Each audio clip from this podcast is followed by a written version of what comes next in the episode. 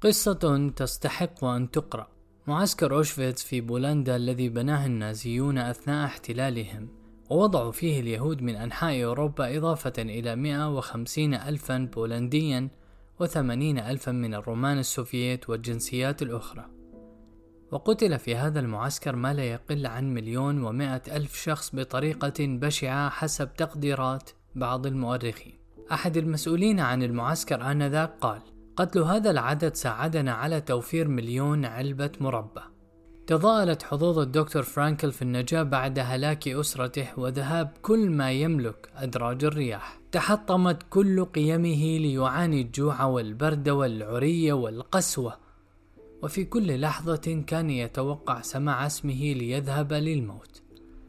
لم يكن لديه ما يفقده عدا حياته البائسة.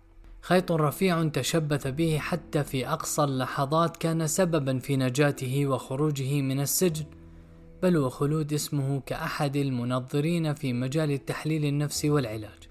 لقد أصبح الدكتور فرانكل زعيما لمدرسة فيينا للعلاج النفسي العالمية وتداولت الأوساط العلمية كتابه الإنسان يبحث عن معنى وهو مترجم إلى العربية.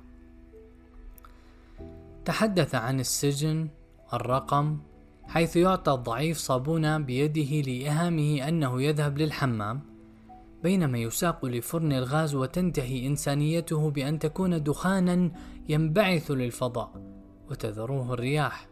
أما القوي فيعزل للعمل. تحدث عن مبادئ العلاج بالمعنى فحين يكون للمرء هدف يعيش له يكون أقدر على مقاومة التعذيب والضغوط مهما كانت بشاعتها. الشعور بالعائلة، الحنين إلى الحب والزوجة، الارتباط بجماعة أو أصدقاء، الموهبة، العطاء ومساعدة الآخرين، الذكريات، الحلم وتخيل مستقبل أجمل. أحيانا الحرمان بأي صورة كان يؤدي إلى إحساس مضاعف بالجمال والمتعة. وبالنسبة لي يقول: فإن مصادرة مخطوط لكتابي كان في طريقه للنشر عند اعتقالي واهتمامي بإعادة كتابته وهو ما ساعدني على البقاء وسط أهوال السجن. كان يتمثل حكمة نيتشه من عنده سبب ليعيش من أجله فهو غالبا يستطيع أن يتحمل في سبيله بأي شكل من الأشكال تحدث عن التسامي بالذات أو تجاوز الذات فالسعادة ليست غاية لسعي الإنسان ولكنها نتيجة وأثر لتحقيق الهدف وبلوغ الغاية. فمعنى الإنسان هو ما يضيفه إلى العالم والحياة. والإنسان يعتبر حياته جوفاء بدون معنى فهو ليس شقيا فحسب ولكنه يكاد أن يكون غير صالح لأن يعيش كما يقول أينشتاين. ماذا كان يهم آدم من الخلود؟ إنه ليس العيش المجرد بزيادة عدد الأيام والليالي فالمرء يهرم ويمل وتضعف قواه ويستثقل الحياة ويستبطئ الموت كما يقول زهير سئمت تكاليف الحياة ومن يعش ثمانين حولا لا أبا لك يسأمي. الخلود الذي طمع فيه آدم أبعد من ذلك. هو خلود التأثير. وتعاهد الذرية وديمومة البناء والعطاء واتساع التجربة والاعتبار من مرور الليل والنهار وهذا تحقق له في واقع الأمر أو أكثره. ماذا كان يهمه من الملك العريض الذي لا يبلى؟ إلا الأثر الطيب والعدل والسيرة الحسنة في الرعية والحيلولة دون الانحراف والظلم ومجاراة الشهوات. لم يكن آدم طينا صرفا لتكون الأرض وحدها منتهى طموحه. كان نفخة علوية روحانية جعلت للطين قيمة جديدة ومعنى مختلفا فأصبح جسده في الأرض وهمته في السماء. وكن رجلا رجله في الثرى وهامة همته في الثريا. من تجربة شخصية فالعمق الروحي والمناجاة مع الله والإحساس بالقرب والرعاية فإنك بأعيننا صدق الله العظيم هو أعظم معنى. التعبئة الروحية قيمة ضرورية للصحة النفسية وطول العمر والنجاح والمقاومة. سحق إرادتك من قبل الآخرين لا يلغي قدرتك على اتخاذ موقف في كل ظرف. اختيارك للطريقة التي تتفاعل فيها مع ما يفعله الآخرون بك هو ما تبقى من حريتك. إنها حرية روحية حتى في الظروف المريعة وعندما تبلغ القلوب الحناجر.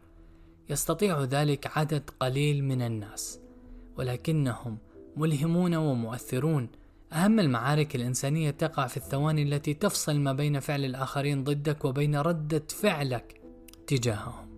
هنا تبرز قيمة الإنسان. يمتاز الإنسان بأنه يجعل من ذاته ميدانا للبحث والتأمل والدراسة والتجريب. الإنسان وحده هو المدرك لمعنى الحياة والوجود ومفهوم الموت والفناء وأسرار الخلود. سمو الإنسان هو في إدراك محدوديته وعزه وحسن توظيف ذلك. وخذ من صحتك لمرضك ومن حياتك لموتك. صحيح البخاري. مشاعر الإنسان ليست غرائز محضة كالحيوانات بل مشاعر راقية. فالخوف من الله وتأنيب الضمير عند الخطأ والخوف على الآخرين المحرومين والمظلومين والمعذبين هو تسام إنساني صرف والحب ليس غريزة الحيوان وسلوكه الجنسي البدائي بل هو سمو روحاني ورقي بالنفس. الصبر والمصابرة والقدرة على التكيف مع الأوضاع والمتغيرات والتعلم السريع والدائم معان زود الله بها الإنسان الأول وذريته. حديث تخلقوا بأخلاق الله ليس بثابت ولكن يقول ابن القيم من تعلق بصفة من صفات الرب أدخلته تلك الصفة عليه وأوصلته إليه والرب هو الصبور بل لا أحد أصبر على أذى سمعه من الله وقد قيل إن الله تعالى أوحى إلى داود تخلق بأخلاقي فإن من أخلاقي أني أنا الصبور. والرب تعالى يحب أسماءه وصفاته ويحب مقتضاها وظهور آثارها في العبد فإنه جميل يحب الجمال عفو يحب أهل العفو كريم يحب أهل الكرم عليم يحب أهل العلم وتر يحب أهل الوتر. قوي والمؤمن القوي أحب إليه من المؤمن الضعيف صبور يحب الصابرين شكور يحب الشاكرين. وقال ابن تيمية من أسمائه وصفاته ما يحمد العبد على الاتصاف به كالعلم والرحمة والحكمة ومنها ما يذم على الاتصاف به كالإلهية والتجبر والتكبر. أي معنى للتسامي وتجاوز الألم والتفوق على الذات وتحقيق قيمة الوجود الإنساني أعظم من الشعور بأنك تقترب من الله بالتحقق بالأسماء والصفات التي أخبر بها عن نفسه؟ وأثنى على عباده المتخلقين بها.